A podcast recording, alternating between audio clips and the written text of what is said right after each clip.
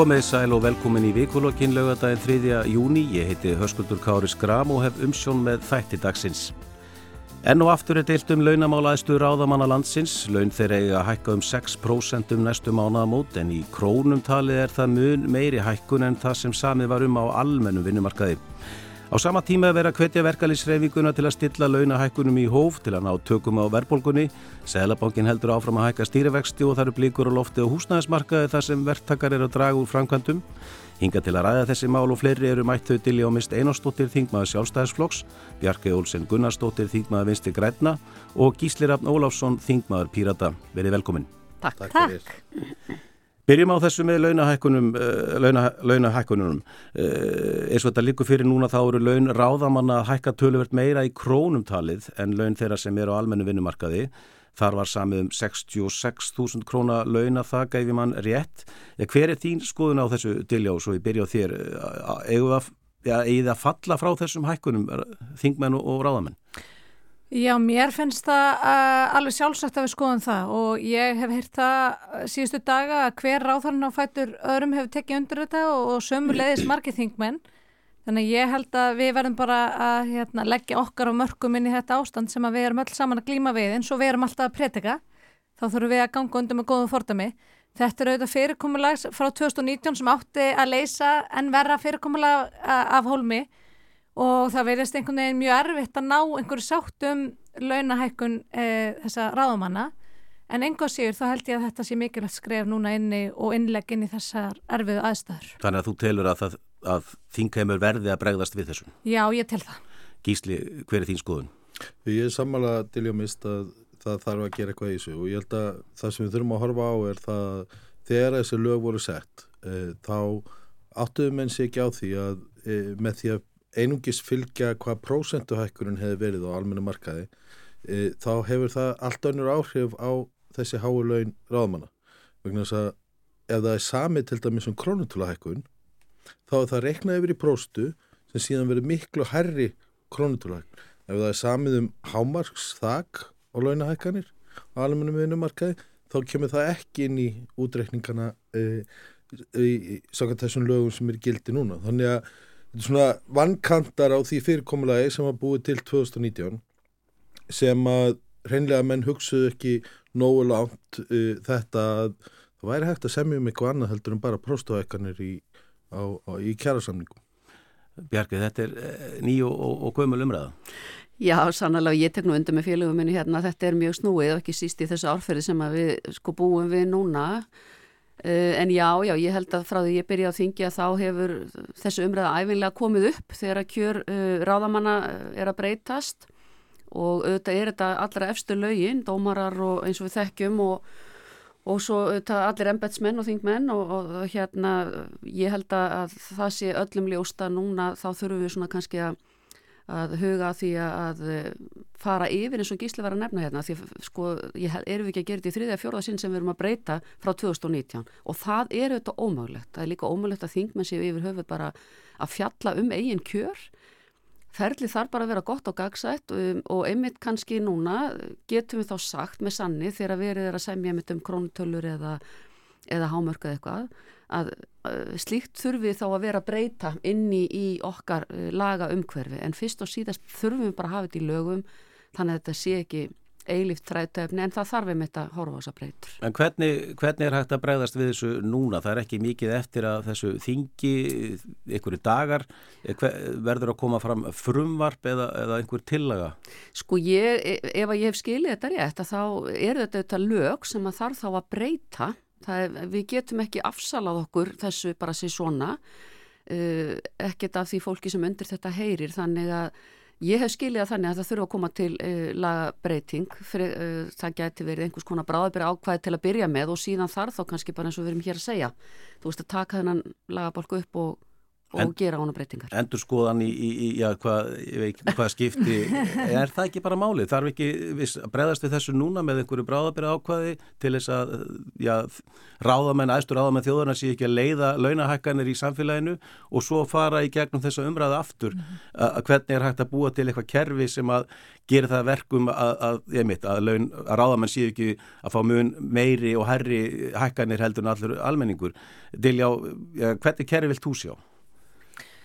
Já eins og Bjarki bendir á þá verðist eh, vera mjög, er, það mjög verið erfitt viðurregnar að smíða einhvers konar kerfi sem að sátt ríkir um en núna bara stöndum við fram fyrir þessu risavaksnaverkefni og, og ég tel að við uh, og hef trú á því að við munum leysa það bara næstu dögum að gangundum að góðu fordami með einhvers konar breytingu til lögum þetta. Og það er bara almenn sátt um það meðal þingmanna að, að þetta er ekki að fara óbreytt í gegn. Það verðist vera mjög almenn og breyð sátt um það, já.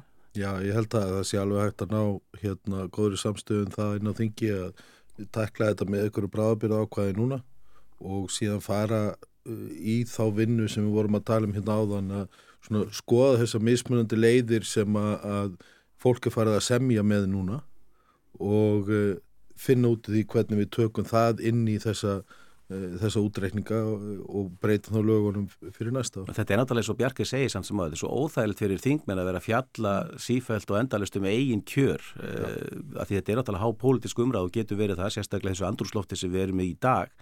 Þannig að það og við vorum með kjara ráð einmitt til þess að ná að aðskilja svo að þingmenn þurft ekki að standa í þessu en það gekka heldur ekki upp. Er, meina, getur við hortir útlanda hvernig þekkið þetta eitthvað, hvernig þetta gengur fyrir þessi útlandum Nei, ég ætla nú ekki, sko ég man á sínum tíma þegar þetta smíðin á þessum lögum voru undir að þá var hort til kjara uh, þingmann á Norðurlandunum svo eru þingi líka sko ólík, hvað maður að segja, í starfsfyrirkomulægi og annað, það, þannig að það eru sko margt ólíkt að jafna. Uh, þannig að hérna það var sannlega hort eitthvað til þess á, á þeim tíma.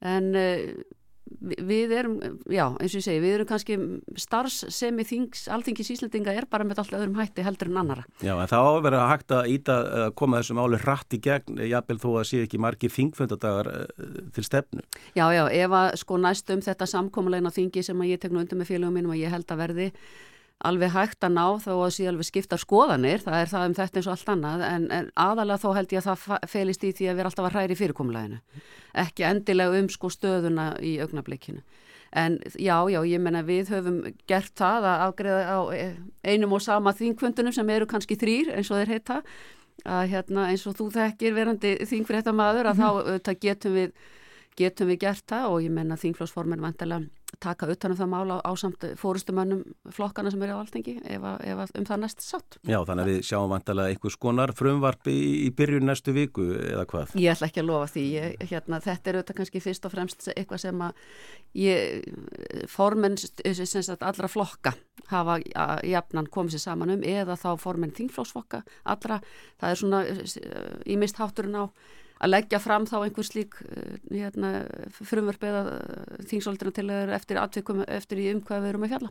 Það er ótrúlegt hvað við getum hérna þegar við tökum höndum saman já, og erum samanlátt hvað við getum verið afkasta mikil. Heldur betur. Ég fekk nú að reyna það í vetur þegar ég laði fram e, þingmál, fyrsta þingmálum mitt sem að fyrir gegnum þingi þegar við samþyktum þingsóldunum til um að við kenna hóladómor hungursneiðin í Ukrænu sem þjóðamorð það var svona eiginlega nánast fordamölist hversu rætt það fóru gengum þingið þannig að þegar það er svona mikil, mikil og breið samstæðum mál þá gengur okkur bara alla efnan vel. Já, já. En þetta er náttúrulega kemur inn í þetta andurslót sem ég talaði um eh, sko að því í síðustu viku þá voru, var selabankastjóri og, og fjármálaráð þeirra voru svolítið að, að svona íta í, í verkefliðsrefinguna og, og gaggrína hana fyrir að gera kjærasamninga og, og, og vera svolítið að, já, mörguleiti svona að bera ábyrð á þeirri verðbólgu eða stöðunni e, eins og hún er í dag. Þannig að þetta var svona, þessi hækkun kemur beint inn í þessa umræðu e, og þá spyrir maður sig sko, vor, var þetta ósangjöld gaggrinni hjá fjármálar á þeirra og selbakastjóra varandi það að, að verðbólgan eins og við sjáum hann í dag sé verkefliðsrefinguna að kenna gísliði? Ég held að verðbólgan í, í dag sé, það séu margir þættir sem orsaka hana. E, húsnæðismálin, e, kostnæðar elendis, e, launahækkanir, já, það er hafa áhrif, e, en við þurfum líka átt okkur að því að, að það svona e, það sem við búum við í dag er það að við erum með e, 300 og hvað 90.000 mann sem búa hérna. En við erum líka með e, e, vel yfir 390.000 Já, við erum með vel yfir 200, vel yfir 2 miljónir ferðamanna sem koma hérna. Það er mikil eftirspurn eftir, COVID, e, eftir að COVID kláraðist í að ferðast. Og mikil þensla og hagvöxtur og þensla og við, við erum ekki endilega að ná að tækla allt það alltaf þá eftirspurn með, og benda á, á verkalýsrefingarnar og launamarkaðin e, það er að segja að það eru svo margar aðrar breytur í þessu sem að við þurfum að taka inn í og það er ekki hægt að benda bara eitthvað eina ástað og segja þetta er allt launum að kenna. En þið hafa verið að benda á ríkistjóðina og, og segja að ríkistjóðin þurfur sína meiri ábyrði í, í ríkisfjármálum? Já, sína meiri ábyrði í ríkisfjármálum eh, horfa líka til þess eh, hvað er að gera í húsnæðismálunum það er ekki, það er því miður þannig að það var leit út eh, í byrjun þessa vetrar að eh, það ætti að fara að taka alvarlega á húsnæðismálunum.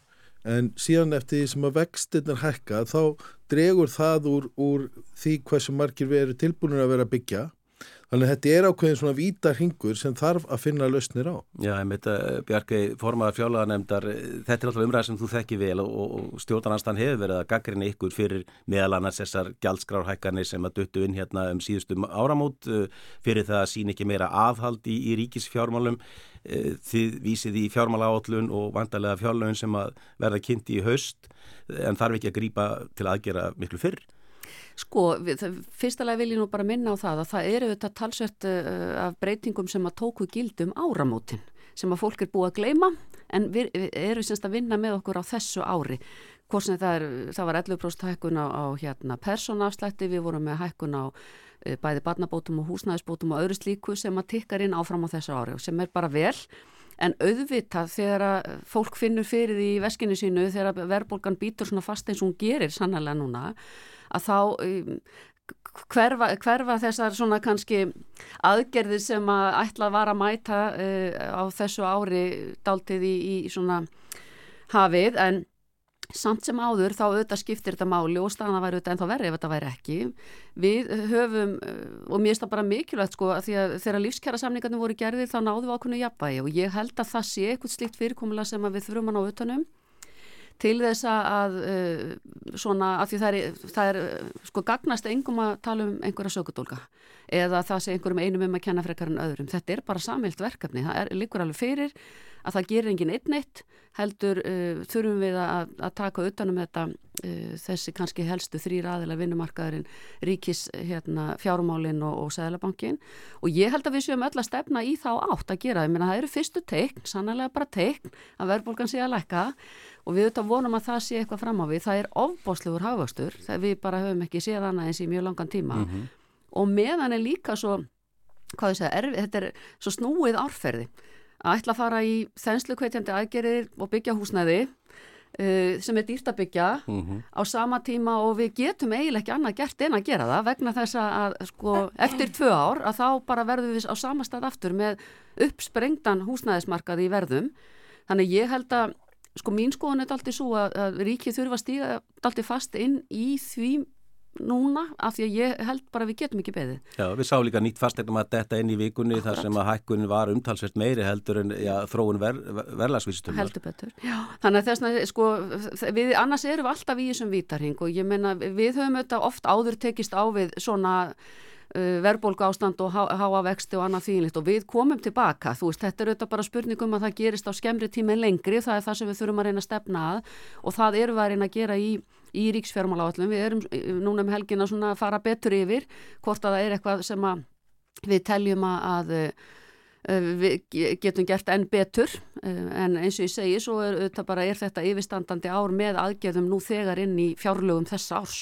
Einhvern tíman dilja og þá var sjálfstæðsflokkurinn rakkan kostningabaróttu undir slagðurinu báknið burt og nú er verið að gaggarinn ykkur fyrir að, að vera að auka í ríkis að, að, að að vera með of mikil útgjöld í ríkisjöðu? Já, ég hef nú verið með fundaröð sem, þar sem ég farið um landið með undir sömu yfirskerstir við upp þetta gamla slár að gefnu tilefni. Eh, ég reyndir ekki skilið sælubungastjóra og fjármálur á þar svo að það sé verið að benda uh, fingrum varandi e, verðbólkuna og ástandi sem við erum að klíma við núna bara í átt af vinnumarkanum. Ég held að séu allir sammálum það, annars vegar um að, að verðbólkana auðvitað skýrist að mörgum þóttum, hún er auðvitað innflutt að, að miklu leiti og það er illviðránlegt, þannig er ástand hér á húsnæðismarkanum, við höfum nú verið að benda meðlans á ábyrð Reykjavíkuborga þegar það kemur að því, en síðan er það auðvitað launin. Og það er auðvitað óumdeilanlega staðrend að laun á Íslandi hafa hækka hér margfalt á við þau lönd sem við berum okkur gerðnan saman við. Og það er það sem að Sælabankin og, og Sælabankastjóri og, og fjármálráð þar hafa verið að benda á. En þegar að kemur að e, þessu samspili sem ég bjarga ég er einmitt að tala um og ábyrð hvers og eins þessar þryggja aðila, það er Sælabankastjóri, það er ríkisfjármálinn og það er vinnumarkaðarinn, þá get, getur stjórnvöld auðvitað ekki verið stikkfrí. Og þar þurfum að þau auðvitað sína miklu, miklu, miklu meira aðhald og hægraðingu uh, og það er nú sjónamið sem að ég hef gerðan haldið á lofti og mun gera áfram og, og ég ber bara og vona það á næstu dögum þá sjáum við svona frekari teknoloftum það að stjórnvöld taki þessum ábendingum og, hlutverki sínu alvarlega því að vandin sem að ríkisfjármálinn er að klíma við eru sannarlega ekki tekjuvandi því að tekjurnar hafa stóraukist vandin er útgjaldavandi og við þurfum að leysa vandamálið þeim með. En hvað áttu við, hvaða teikn ert að bóða hérna? Ég endur skoðun á, á, á fjármálátlun að, að það verði far, ráðist í frekari aðhald og hægræðingu að það er bara svo ábyrð sem að kvílir á stjórnvöldum og, og, og það er gerð bara rík krafa til þeirra en um þetta, ekki bara að fá sælbankastjóra og, og aðlum vinnumarkaðins heldur bara almenningi að stjórnvöld gangi undan með góðu fordami. Ég veit nú ekki hvað fjármáláallin er stött innan í nefndar vinnu en, en þið þurfum náttúrulega að klára setni umræðu um, um þá áallun er, bú, er þá viðbúið að það komi já, tölurverða breytingar. Ætla ekki að skera meira niður? ég ætla nú enga að lofa hér í beitni útsendingu skal ég segja ykkur en hérna við erum að vinna þetta núna bara um helgina og ég er nú að vonast til þess að við getum bara að klára þetta og komið fram með þetta strax í byrjun næstu viku. Það eru þetta bara tímin er að hlaupa frá okkur líka þannig að hérna það er bara mikilvægt að þannig að þingi hafi líka góðan tíma til að hérna fjalla um þetta og taka vel utan um þetta. Er, við þurfum að hafa það í huga um leið og við segjum aukið aðhald þá er líka ákall áfram um það að bæta í alla velferðarþjónstuna Nákvæmlega, og, og báknið hefur stakkað það sem að kalla er, ég vil auðvitað ekki kalla þetta báknið, þetta er bara velferðin og sameiginlega þjónustan sem við erum að sinna, hún hefur stakkað en það er samt uh, þannig að við þurfum alltaf að uh, horfa, horfast í augu við allan rekstur og skoða getur við gert einhver stað betur, getur við færa fólk til, getur við tekið einhvern veginn betur utanum það sem er að gerast innan þér á hverjum stað og svo framvegis. Og ég hef sagt að mér finnist að það ætti að fara bara með uh, stofnunum uh, hérna í gegnum það að hjálpa til við það að sko fara bara í gegnum ekki vegna þess að ég markmið sé að skera niður, heldur fyrst og fremst bara að skoða, er hægt að gera betur? Hvar bara líka upp á þjónustuna gagvar þeim sem að hanna eiga að þykja af hálfu stofnana hins ofnbjörra uh, þannig það, það er eitthvað sem að má alltaf, uh, alltaf gera betur í og ég eins og ég segi, ég hef talað fyrir því og svo hef ég sagt það líka ég tel að stjórnaráðið eigi að vera með miklu meira miðlagt og sameinlegt heldur en það er í dag. Það eigi ekki að þurfa að vera um, fjármálastjórar og mannaustjórar og, og hvað þetta nú allt saman heitir. En þið, þið Skjala, skjálastjórar. En þið fjölguðu ráðunitum. Já, ég veit það og ég er að tala, það, það breyti því ekki að ráðunitum fjölgi heldur að það á bara að vera ein miðlagt þjónusta um alla þessa hluti. Ráðunitum þurfu ekki hvert um sig til dæmis að mínu mati að hafa uh, alla þessa einstaklinga innan sinna raða, það er að segja hver og einn, hvert og eitt ráðnetti sé með mannastjóra eða fjármálastjóra eða hvaða nú allt saman heitir, skjálastjóra. Já. Þetta á að geta verið, eitthvað að þessu á að geta verið miðlægt að minnstakosti og þar sannlega myndi þá stjórnaráði sína En það tekur náttúrulega, tekur náttúrulega töluverða tímavantarlega. En við má aðeins skjóta þann inni að því að Bjarkei nefnir auðvitað það sem að það vandamál sem við erum gerðan að glíma við í þingun sem er það að útgjaldar hrópin koma úr öllum áttum. Það er mjög þrýst á um aukinni útgjöld og öllum áttum, ekki síst frá stjórnarhanstöðinu og öllum flokkum þar. Og það eru auðvitað illviðránlegt og það er bara ekki rétt að aukningin hafi bara verið til velferðamála. Ég er bara ný, ég er nýlega búin að, já auðvitað hefur verið stór hérna, aukin framlöð til velferðamála en það hefur verið mál, öðrum málflokkum sömulegis og ég er nú nýlega búin að fá uh, fram svör við nokkum fyrirspurnum sem sína þetta bara svart á kvítu hvað, hvernig útgjöldin hafa það stúti í öllum málflokkum og það eru auðvitað bara algjörlega ósattanlegt og það sem að Bjarki nefnir hérna... En til já, þið eru búin að stjórna fjármálaráðunundinu sjálfstæðismenn í, tíu ár. Já, já, og við höfum gert hérna margvíslar umbætur þegar kemur að ríkisfjármálunum, en það hefur reynst mjög erfitt með þannan e, kóri kringum okkur um, um frekari og aukinni útgjöld e, við höfum verið svolítið eini ein að standa vörðum um, um hérna, ríkisfjármanna þessu leiti e, en við, nú, nú bara er, eru aðstæður þannig að við getum ekki annað heldur um staði í lappina þegar kemur á þessu. E, og svo er annar punktur sem að Bjarki kom með sem er mjög góður sem er sá að, að þetta snýst ekki bara heldur um endalus aukin fjárútlut, þetta snýst líka um að skoða árangurinn árangurinn af því sem við erum að gera, ekki bara krónumtali heldur hver verður árangurinn betur um bætist þjónustan við, við hérna, alla þessa fjármunni og það höfum við til dæmis ekki séð næjanlega í helbriðskerfunu, svo dæmis ég nefnt. En Gísli, hafið þið pírata lagt fram einhverja tilugur um það hvernig þið viljið að ríkissjóður beiti sér í þessu ástandi sem er ríkjandi nú? Já, við höfum munum leggja fram okkar hérna álit við fjármála áalluna í næstu viku, ef hún vonandi kemur þá. Hún verður að koma þá, er það ekki? Já, ef við ætlum að klára svona í kringum það, þá dagsetningu sem að, þinglokk eru sett. Uh, við viljum horfa líka til þess uh, til tekju hliðarinnar og höfum verið að ræða það hvernig uh, svona tekjur samfélagsins hafa breyst að þeir sem eru með mest milli handana að þeir eru búin að færa tekjurna sínar úr því að vera venjulegar tekjur yfir í að vera fjármastekjur og e, það var nú til gömul hérna saga um það hvernig einn ríkasti maður heims Warren Buffett talaði um það hvernig að það væri ekki réttlátt að hann borgaði minni e, skatta heldur en reytarinnars og var að þrýsta semast, á bandarísk stjórnvöld á þeim tíma að breyta því að það er meira e, er settu meiri skattur á, á fjármastekjunar En það einhvern veginn verða eins og við höfum gert, við höfum ekki fjármastekjurskatt En svo spyrir maður, svo spyrir maður að því einhver, þessar fjármastekjur er alltaf peningur sem fólk hefur fengið einhvern veginn, eh, unnið sér inn með einhverjum hætti og, og geta lagt og sparað inn á bankareikning og það hefur alltaf verið að laður skattur á þessa peninga þegar þeir eru til, til að byrja með. Já, það er fyrir sömt fólk já. en fyrir aðra, sérlega í ríkusta hérna, hlutana fólki þar er þetta orðin leiðin til þess að lækka skattana. Og ef við horfum til Norðurlandana þá er það þannig í uh, sumur Norrlöndum að fjármastekjaskattur að upp á hvernig marki þá er hann skatlaður eins og tekjur. Og þetta er í, í, í Svíþjóð og, og Finnlandi og ég maður rétt í Noregi líka. Uh, þannig að þetta er eitt af því sem við höfum sagt að við þurfum að horfa það að tekju mót eða tekju svona já, mótilið er að breytast hjá fólki og þá þarf skatturinn að sjálfsögða að breytast líka og þetta sást vel þegar að koma út tekjublöðin eh, núna í, í haust að annað tekjublaði síndi sko með við e, fjármarstekjur og hitt ekki og bara listinni fólki var tvent ólíkt mm -hmm. og hérna þetta segir okkur það að, að það er fullt af fólki sem að er að borgar sér laun á allt annan máta heldur en við gerðum áður og þá þurfum við að sjálfsögja aðlaga okkar kerfi að þessum breyttu aðstæðum. En ég hef, hef hlustað og heyrt eh, fjármálur á þeirra að segja að það sé nú frekar ólíklegt að skattar verði hækkaður og ríkisfjármálu verði beitt með þeim hætti. Sjálfsögðu, það er það sem að sjálfstæðisflokkurinn vil helst lækka skattana. En ég veit að vinstir grænir er ekkit endilega sammála. Sjálfstæðisflokkurinn hefur auðvitað lækka skatta mest á þó tekjulegstu það er líka óumdelilega staðrind og hins vegar hafa fjármálstekjuskattar verið hekkar en fjármálaráþara hefur auðvitað verið skýr með það að, að, að frekari skattahekkarnir séu ekki í farteskinu. Nei, nei, en, en líka eitt sem er gallin við fjármálstekjunar er það að það er fá sveitafélagin ekki neitt og við sjáum að fjárhásástandið í sveitafélagunum er mjög slæmt. Það er ekki tekjavandamál.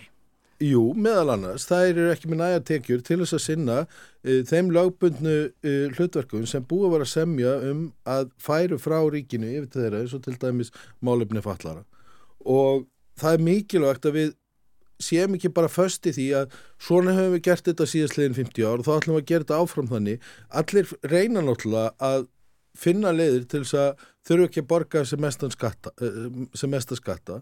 En við þurfum að tryggja það að allir séu séu að skila því til samfélagsins hlutfarslega til þess að við getum reikið þetta sam, samein, hennan sameina hlut sem við kallum uh, samfélag. Það er svo og útspil að nefna hérna, hérna málaflokk vatlar alltaf sem einhvern sjökudólkvarandi ástandi í fjármálum sveitafélag. Ef við horfum bara til stærsta sveitafélagsins, langstærsta sveitafélagsins landinu, þá er það, það er algjört brota brota þeim vandamál sem það seit sveitafélag stendur fram, fram með fyrir. Aðal vandamál þar er auðvitað útgjaldavandamál, óráð síja á því og, og það hvernig haldið er á fjármálum uh, þessar stærsta sveitafélag og ábyrð þeirra sem því stýra er auðvitað mjög rík. Mér finnst alltaf jafn gaman þegar að hérna, eitthvað er bent á og þá er alltaf farið í að benda á eitthvað annað. Uh, hjá sjálfstæðisflokknum verðist vera rosa, rosalega vinsælt að benda á segja Reykjavík, þetta Reykjavík hitt. Skiljanlega. En hvernig væri að við værum að tala saman? Hvernig væri að við værum að hætta að benda á hvort annað? Og í staðin færum að finna leiðir til þess að verða sáttum þessar hluti. Vegna þess að pólitingin í dag er allt og mikið uh, hérna bara bent á, já, nei, við erum ekki að gera, nei, þið er að vera að gera eitthvað, þess á að vera að gera eitthvað, hinn á að vera að gera eitthvað. Já, við eigum öll að vera að gera eitthvað. Píratar aðeins að koma inn í þetta. Hérna varðandi, það er alveg rétt sem að, að þú sagðir hér áðan að ég hef verið fylgjandi því að breyta fjármastekju skattinum og kannski eitthvað í þess átt sem að Gísli var hér að nefna en, en sko líka bara það að þetta sveitafélun uh, geti með því breyka tekjustofna sína því að maður þekkir það alveg að það er fólk sem að greiði sér einvörðungu laun í gegnum fjármastekjur og, og nýtur hins vegar góðs af allir þjónustu sveitafélagsins en greiðir ekki til hennar. Um, og það er auðvitað alls konar ástæði fyrir því. Ég veit að ráð þeirra fjármála er með líka til skoðunar, hefur verið með til skoðunar bæði þetta sko hvort að hægt er að útsvarsskilda fjármastekju skattin og svo líka bara því ég var sjálf með mál varðandi reiknað endurgjald í vettur þar sem að vantar að fylla upp í svona ákveðin gött sem að menn er að koma sér í gegnum með því að það heiti bara að svindla á kerfinu. Það er að segja þeirra eignarhaldsfélög eiga íbúðarhúsi sem þú býrði í og svo ertu með hérna, gefur aldrei upp neina tekjur vegna þess að svo ertu með annað eignarhaldsfélag sem á eitthvað og svo færur bara á millið þeirra og hérna ekkert skila sér í ríkiskassan. En er þó að velta að mér er sagt talsvert miklum fjármunum og þá vorum við að tala um í miljardavís Þannig að ég veit að þetta er mjög snúið, miklu flóknara heldur en við kannski við heldum að þetta væri en þetta er til, til skoðunar hjá- fjármálaráðara að eh, við- sko reyna að ná utanum þó þennan þátt, þar að segja varandi reikna endurgjaldið. En auðvitað er það þannig að, að sko við í, við getum ekki tást annað en hóst í augu við það að við erum uppsafnað innviða skuld til að kemur að vegakerfi landsins, þess að segja sko þetta er mjög snúið að ætla að fara eh, sé, lámarka algjörlega framkvæmdirnar af því að það er þenslu ástand um, og, og svo vitandi það að við erum hér að taka endalast á móti ferðamönnum um, það er verið að loka brúm hérna fyrir þungri umferð fyrir norðan til dæmis í skjálfanda og eitthvað af því að bara br- brún er ekki treystandi til þess að fara með flutningabila yfir skiljið og eitthvað. Þannig að það- er fullt af svona verkefnum út um allt land um, sem að eru kannski ekki jafn mannaflsfrek eins og bara ferða þjónustan sjálf til dæmis. Þannig að ég allavega hefði viljað geta gert betur. Ég, hérna innvegar á þar að hefur sagt að samgöngu áallinin það verði allir fyrir vonbröðum af því að hún sé rýr og, og bara það sé lítið hann að hægt að gera í þessu árferði en að, bara halda aðeins að sér höndum. En þá um leið eins og ég segi er þetta snúið að hérna hvar vill fólk draga úr útgjöldum? Stóru fjárhæðirnar eru í uh, tilfærslukerfunum okkar mm -hmm. almannatryggingakerfunum, velferðarkerfunum vegagerðinni, þið vitu þetta þannig að ég myndi gætna vilja sko bara fá einmitt konkrétt tillögur uh, bæði þetta, ég veit að uh, það eru hægt að taka tekjur inn á móti til þess að jafna þetta eitthvað út en sannarlega þú vilt beita raunverulegu aðhaldi að þá uh, fælst það ekki bara í því að fre- fresta framkvæmdum Nei, en þetta er eins og þú segir, þetta er, þetta þetta tilfærslukerfið og svo náttúrulega heilbríðskerfi sem og, og margir eru nú að meina að það sé standi á brauðfótum þessa dagana.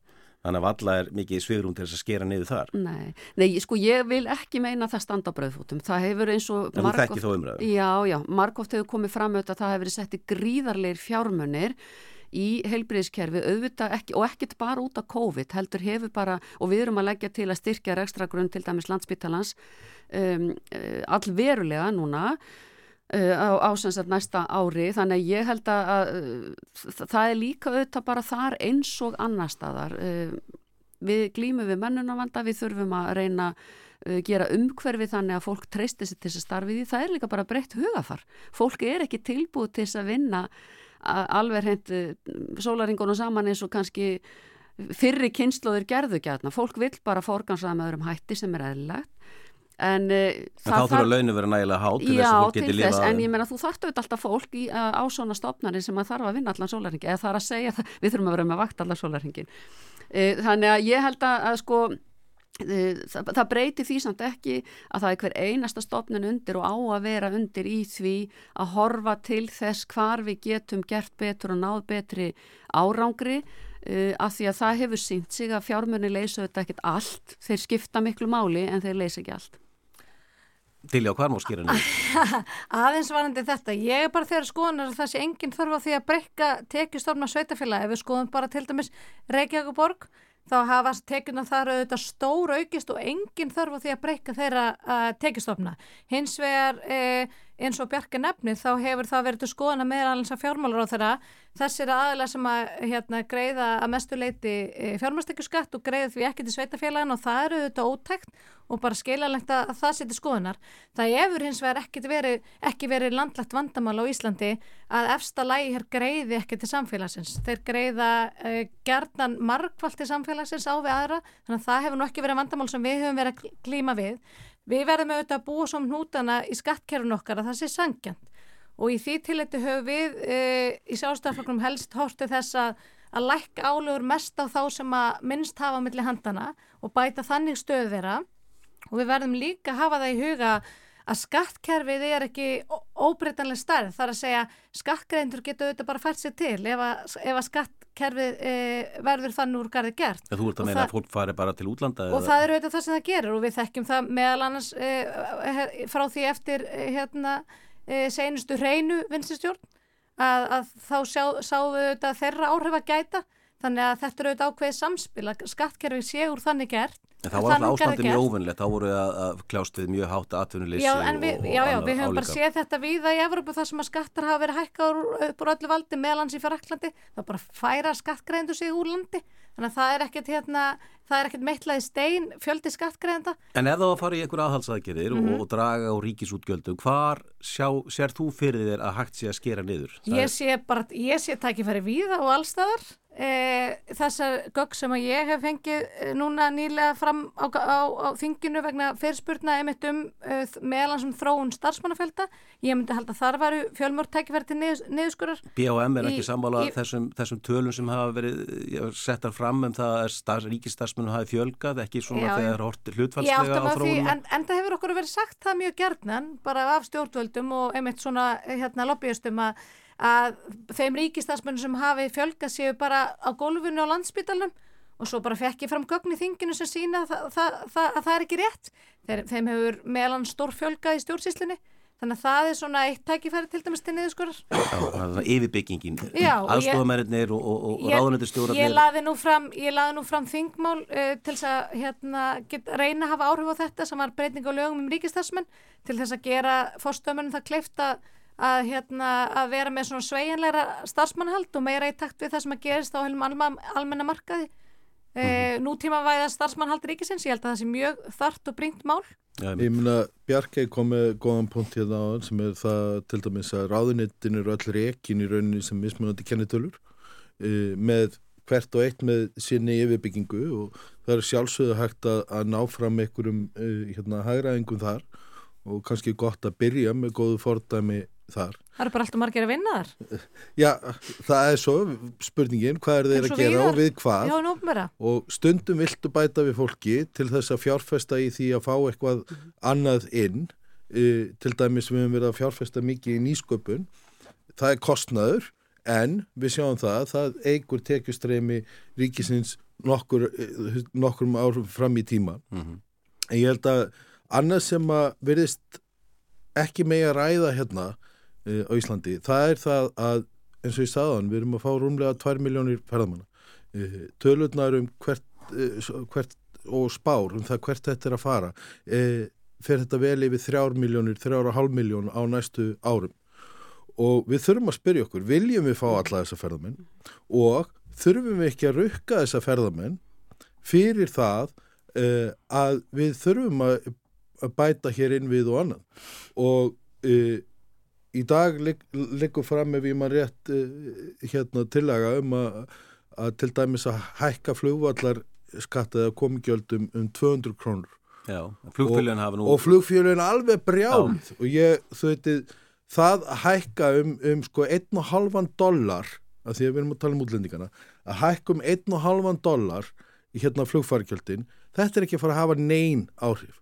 Og ef við hugsun bara hérna svolítið út fyrir bóksi og við sögum með þessi 2 miljónir ferðamanna í, í gegnum ekkur breytt komi gjöld, í gegnum breytt gistin áttu gjöld og kannski ekkur önnur gjöld ef þeir væru að borga e, samtals hver og einn kannski um, segjum 100 eurur 100 eurur sinnum 2 miljónir ferðamanna myndi því að það að við gætum fjármagnað e, göngin á östfjörðum á hverju ári göngin frá segisfyrði við gætum fjármagnað ný göng á hverju ári þetta, þetta er spurning sem við þurfum að spurja okkur og við þurfum að hugsa, hugsa út í það. Eigum við samfélagið að vera að borga með ferðamannunum að þeir eru að eigða upp miklu meira af okkar hérna, innviðum heldur en við erum.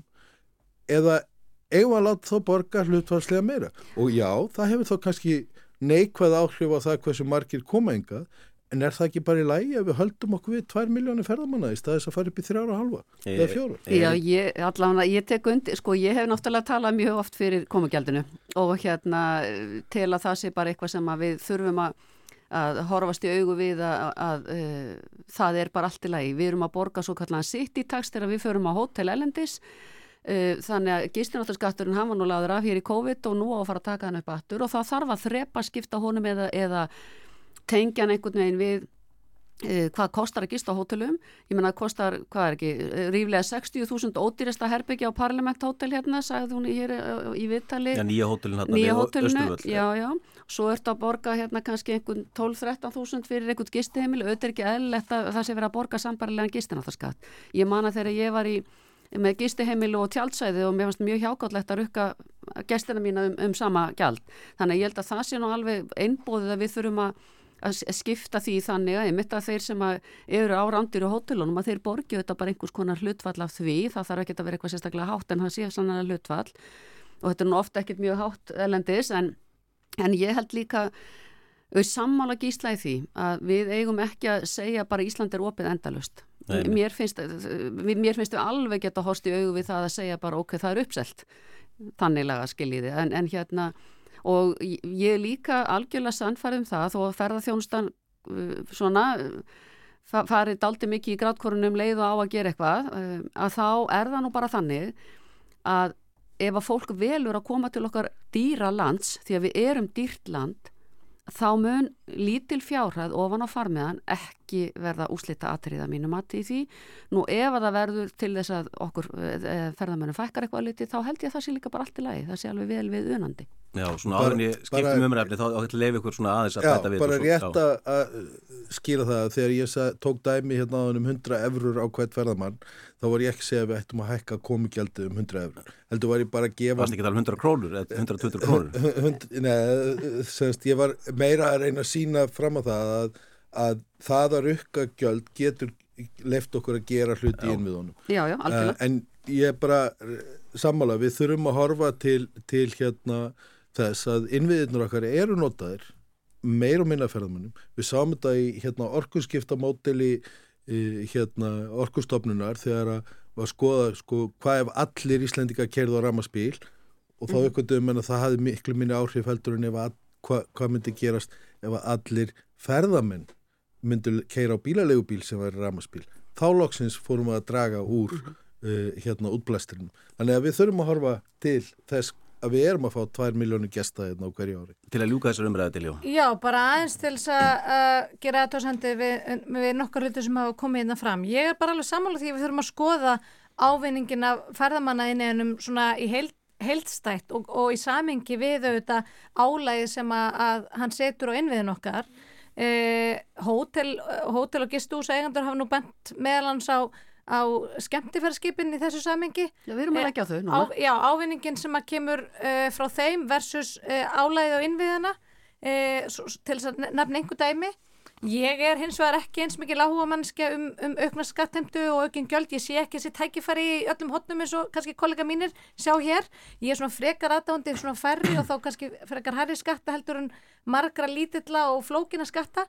Eh, en kannski til að bæta við þessu umbröðu sem að, hérna, kemur aðeins inn á þetta og varðandi álæginu innvæðin okkar að við þurfum líka að fara mót okkur einhverju helstað stefn og sín þegar að kemur að e, bara fólksfjölgurninga sem að, sem að einhvern veginn verðist þá komið allt og mörgum óvart.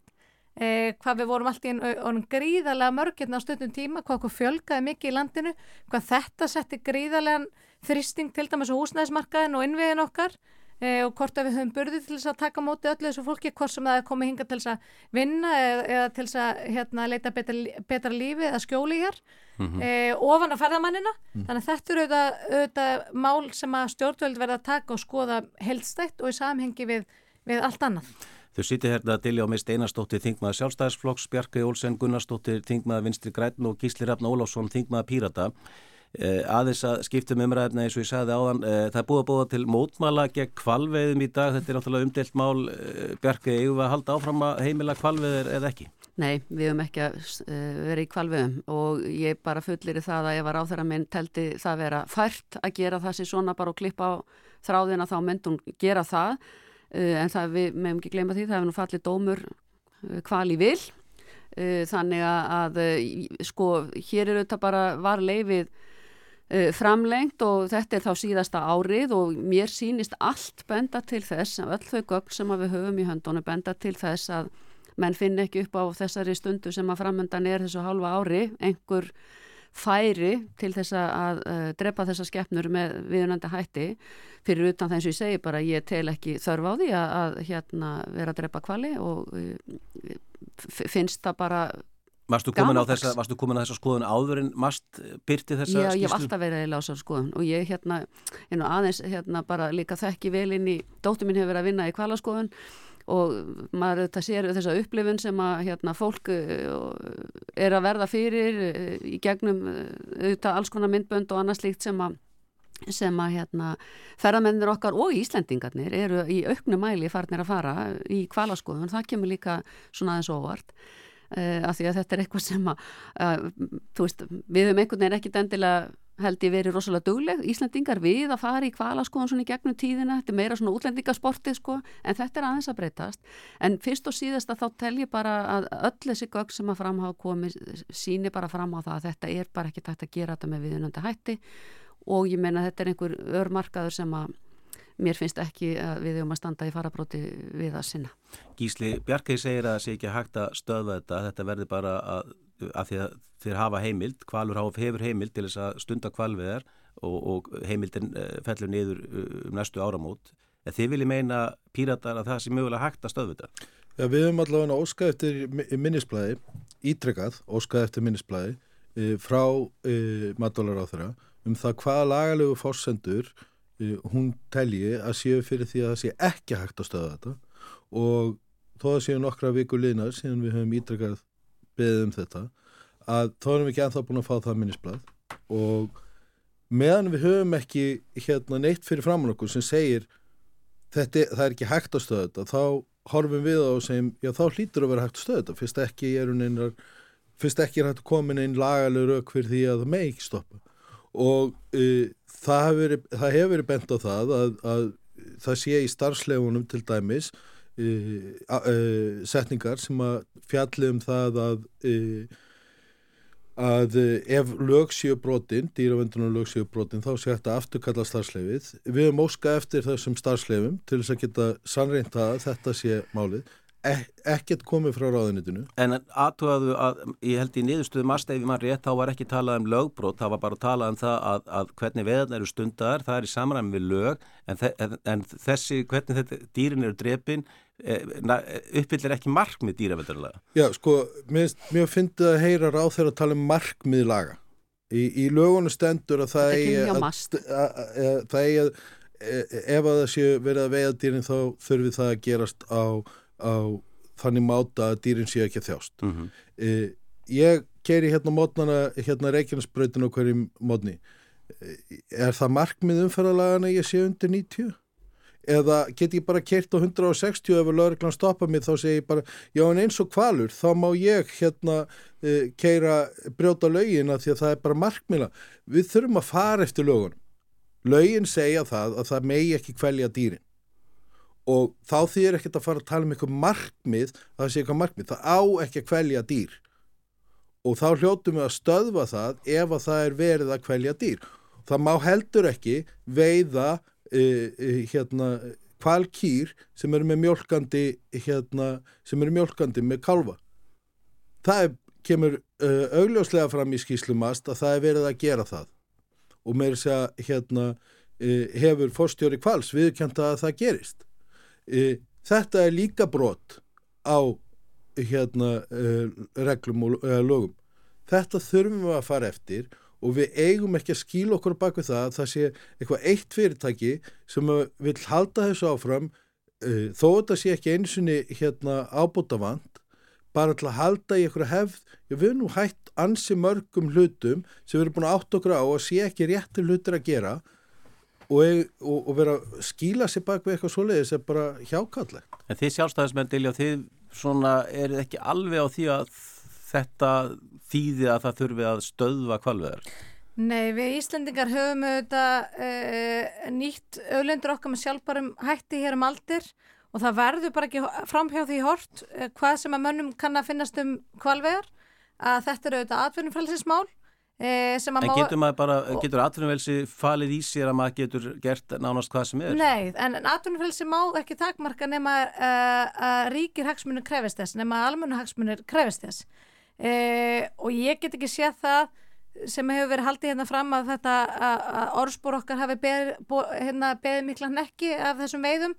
Það, við vorum enda við að fara yfir það við erum að drukna hérna bókstala í ferðamennum getum ég að fylg þurft að hérna, endurhugsa það eitthvað en að því sögðu þá e, tek ég bara undir það að það eru auðvitað gríðarlega mikilvægt að horfa til dýravendunum sjónum með í þessu tilliti e, skoða aðferðna við veiðarnar e, og það eru auðvitað hérna, sjónum með sem er mér ofarlega í huga, bara persónlega en ég er hins vegar gift veiðmanni sem að veiðir vilt dýr og ég þekki það þess vegna að, að hérna, aðferðna við veiðar og viltum dýrum þar eru því miður oft ekki mjög já, ég, ég veit ekki hvort maður á að segja mannúlegar en, en mjög geðslegar þannig að, e, að sjálfsögðu eigum við að, að horfa til þessa og fylgjast vel með því að, að veiðna séu þann úr, ger, þann úr gardigerðar að það sé ekki verið að kvælja dýra óþörfu að sjálfsögðu. Ég held að það sé rétt munið hjá mér að í síðustu tvö skipti sem þessi heimild hefur verið framlengt að í báðum tilögum hafi það verið sjávarútisar á þeirra sjálfstæðis úr sjálfstæðarfloknum.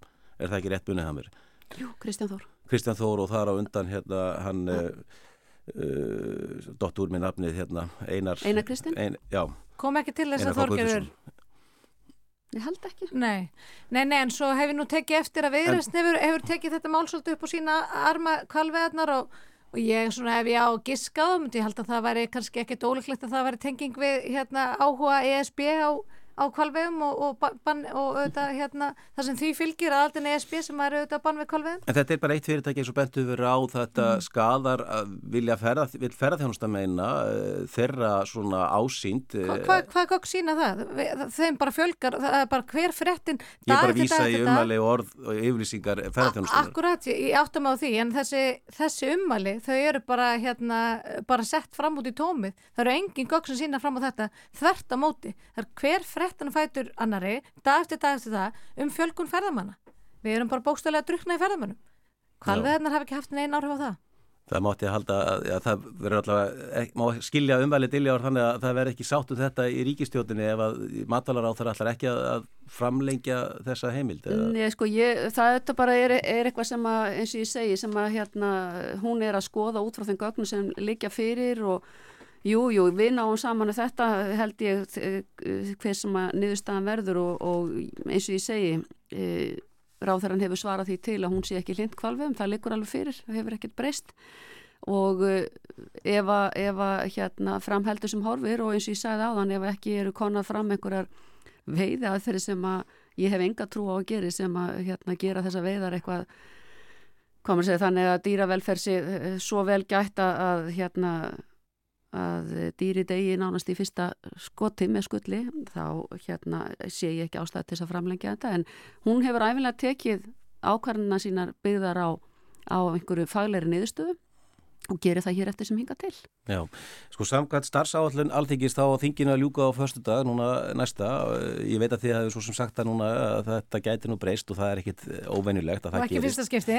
Það er ennþá einhver, ég var að kíkja á stöðinu um daginn og ég sá að þetta voru einhver 40 stjórnafrömmöp sem eru ennþá í nefnd eða býða annarar eða þriðju umræðu og þá þarf alveg eftir að afgreða þessi mál þar á meðal þetta umdelda frumvarp utarrikiðsáþarum bókun 35 Lauruglufrumvarp dómsmálar á þeirra frumvarpum saminningu kérastómstóla til að fósættisra á þeirra maðgjara um átlugin hatus orðræðu og svo má lengi telja. Náðu það að klára þetta allt fyrir sumafrí?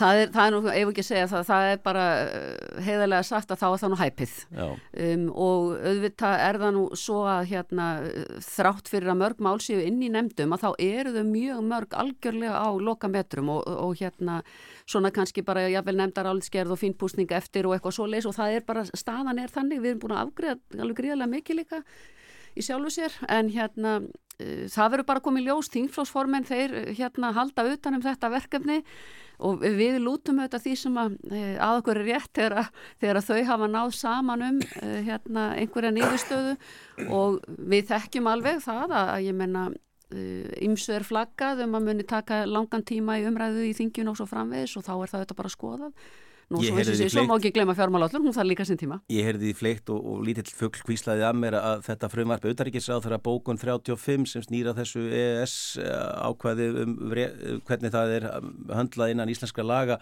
eh, að það menn ekki, þetta frumvarp verði ekki klárað núna fyrir sumafrí.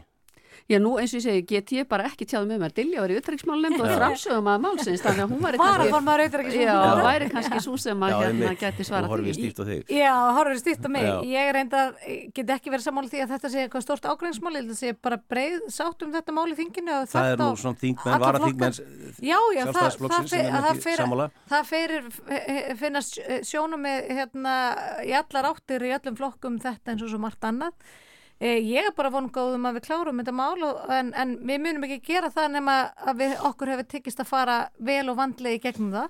Þannig að það er bara eins og með það eins og með önnum mál. Eh, ég held að við þingmannum munum bara vinna eh, eins lengi og þörfir á og okkur engin vorkun að því. Þannig að ég hef ekki ágjör af tímanum í, í þessu tiliti. Er ykkur mál sem píratar vilja býða með? Eh, við viljum fara eh, dýbra án í sum af þessum frumvarpum sérstaklega þegar kemur að hérna, eftirlitseimundum lauruglu og ýmislegt annað. Eh, þetta eru svona mál sem við teljum að, að þurfi að, að hugsa og, og ræða vel vegna þess að hérna, þannig verið að breyta ímsu varðandi það hvaða hérna, möguleika lauruglan hefur að fylgjast með uh, almennum íbúum, almennum uh, hérna, borgurum, borgurum. Uh, þannig að það eru þetta og fleiri sem við viljum að séu skoðu betur ég held að í öllu þessu hérna þá erum við svona svolítið að líða fyrir það að það komi 40 frumverf frá ríkistjóninni í 1. apríl sem er síðasti sénsinn til að leggja fram það hefði verið gott að fá þau ansi mikið fyrir í vetur. Um það eru við já, já. það var oft feldi niður, uh, niður nefndafundir og annað vegna þess að það vantaði bara mál uh, Þið töluðu líka píranda lengi um útlendinga fyrir náttúrulega Já, ég held að það hef ekki tafið neitt uh, í, í þinginu Þú segir það vegna þess að það voru engin mál sem voru að býða voru þið bara að fylla upp í tíman? Við vorum bara að æfa hérna, svona smá málfundæfingar en, hérna, en ég held að aðalmáli hérna er það að, að eins og Bjarkei sagði hérna á þann að þingflokksformennir munu semja sín á milli um eitthvað skonar lok hvort þau verða á förstu daginn í næstu viku ef að ég nú en eitthvað tíma fyrir 17. júni Örstuðt hérna, örstuðt svona því að komið þessi þjóðarpúls gallup, maður byrtur í vikunni, samfylgingin er, já, nánast komið með 28% af fylgi, sjálfstæðsflokkur þið eru ennþá bara svona först í kringu 21-2%, eh, Diljá, er, er, er þetta ekkit áhugjefni eða er þetta bara svona? Jú, auðvitað er það, en við hérna, auðvitað, auðvitað skiptir mestu máli hvernig gengið er í kostningum, við hefum nú oft lendi svona leð, leðindar frettum úr, úr skoðanakonunum, við æsum okkur kannski ekkert um og við þeim Það er nú aðri flokkar hérna, til dæmis Pírata sem hafa mælst oft heiminn háir í, skoðanakonunum og það hefur nú kannski ekki síðan eh, hérna, reynst rétt. Eh, þannig að eh, það er nægu tími til stefnu en við þurfum að bretta barmöndan, það er ljóst. Kjörtíðanbilið er bara við það að verða, já, hálnað. Við erum, vi erum alltaf í kostningabarótu við stjórnmálum. Uh, Pírata 10% er það ásættalegt gísli? Nei, nú vil ég sjá það hæra, uh, sérstaklega vegna þess að uh, við, fáum, við skorum alltaf mjög hátt meðal ungsfólks sem er síðan það fólk, þeir kjósundur sem síst koma á kjörstað og þannig að við erum alltaf að skora eins hæra í, í hérna í, í skoðanakonunum heldur við fáum á, á kjörstað en volandi breytist það við erum ekki sem beturfer held ég ekki 45% eins og við fórum einsunni það Sætla minninga Það er ekki bara spurt 18-25 ára það skiptið. Vafki 5,7% flokkur fósatisráð þeirra Já Þetta er auðvitað sannlega ekki mjög uppörfandi, það er alveg ótaf að segja það og hérna þetta verður ekki ákjöfsanlegt ef við verðum að fara í kostningar, það verður nú heldur betur ekki. En auðvitað eins og bara hefur komið fram hjá Ólaður þarna harðarsinni þá er þetta svona í fjölflokka stjórn ekkert óeðlegt á miður kjörtjámbili, ástandu auðvitað eins og það er, ég menna er, fólk er að finna fyrir þessum vanda í húsnæsmálum og vöxtum og öllu þessu sem verðbólkunni sem við erum að kljást við Um, þannig að það er svo sem ekkert óeðlilegt að vinsturflokkurinn í þessari ríkistjórn fái svolítið skell í því en við erum alveg óhrætt við dóm kjósenda þegar við gerum þetta upp að lokum vegna þess að ég tel að við höfum fyllt okkar málum mjög vel eftir uh, svona jæmt og þétt og erum að fara inn í stórmál, tryggingamálun og margt annað. Tvö ár til stefnu, örstuðt svona að lokum hvað er framöndan hjá okkur um helgina til já? Ég er verið brúðköp í dag Þannig að það er svona eh, stærstu plön helgarinnar, mjög spennt að fara í brúkop í dag. Gísli?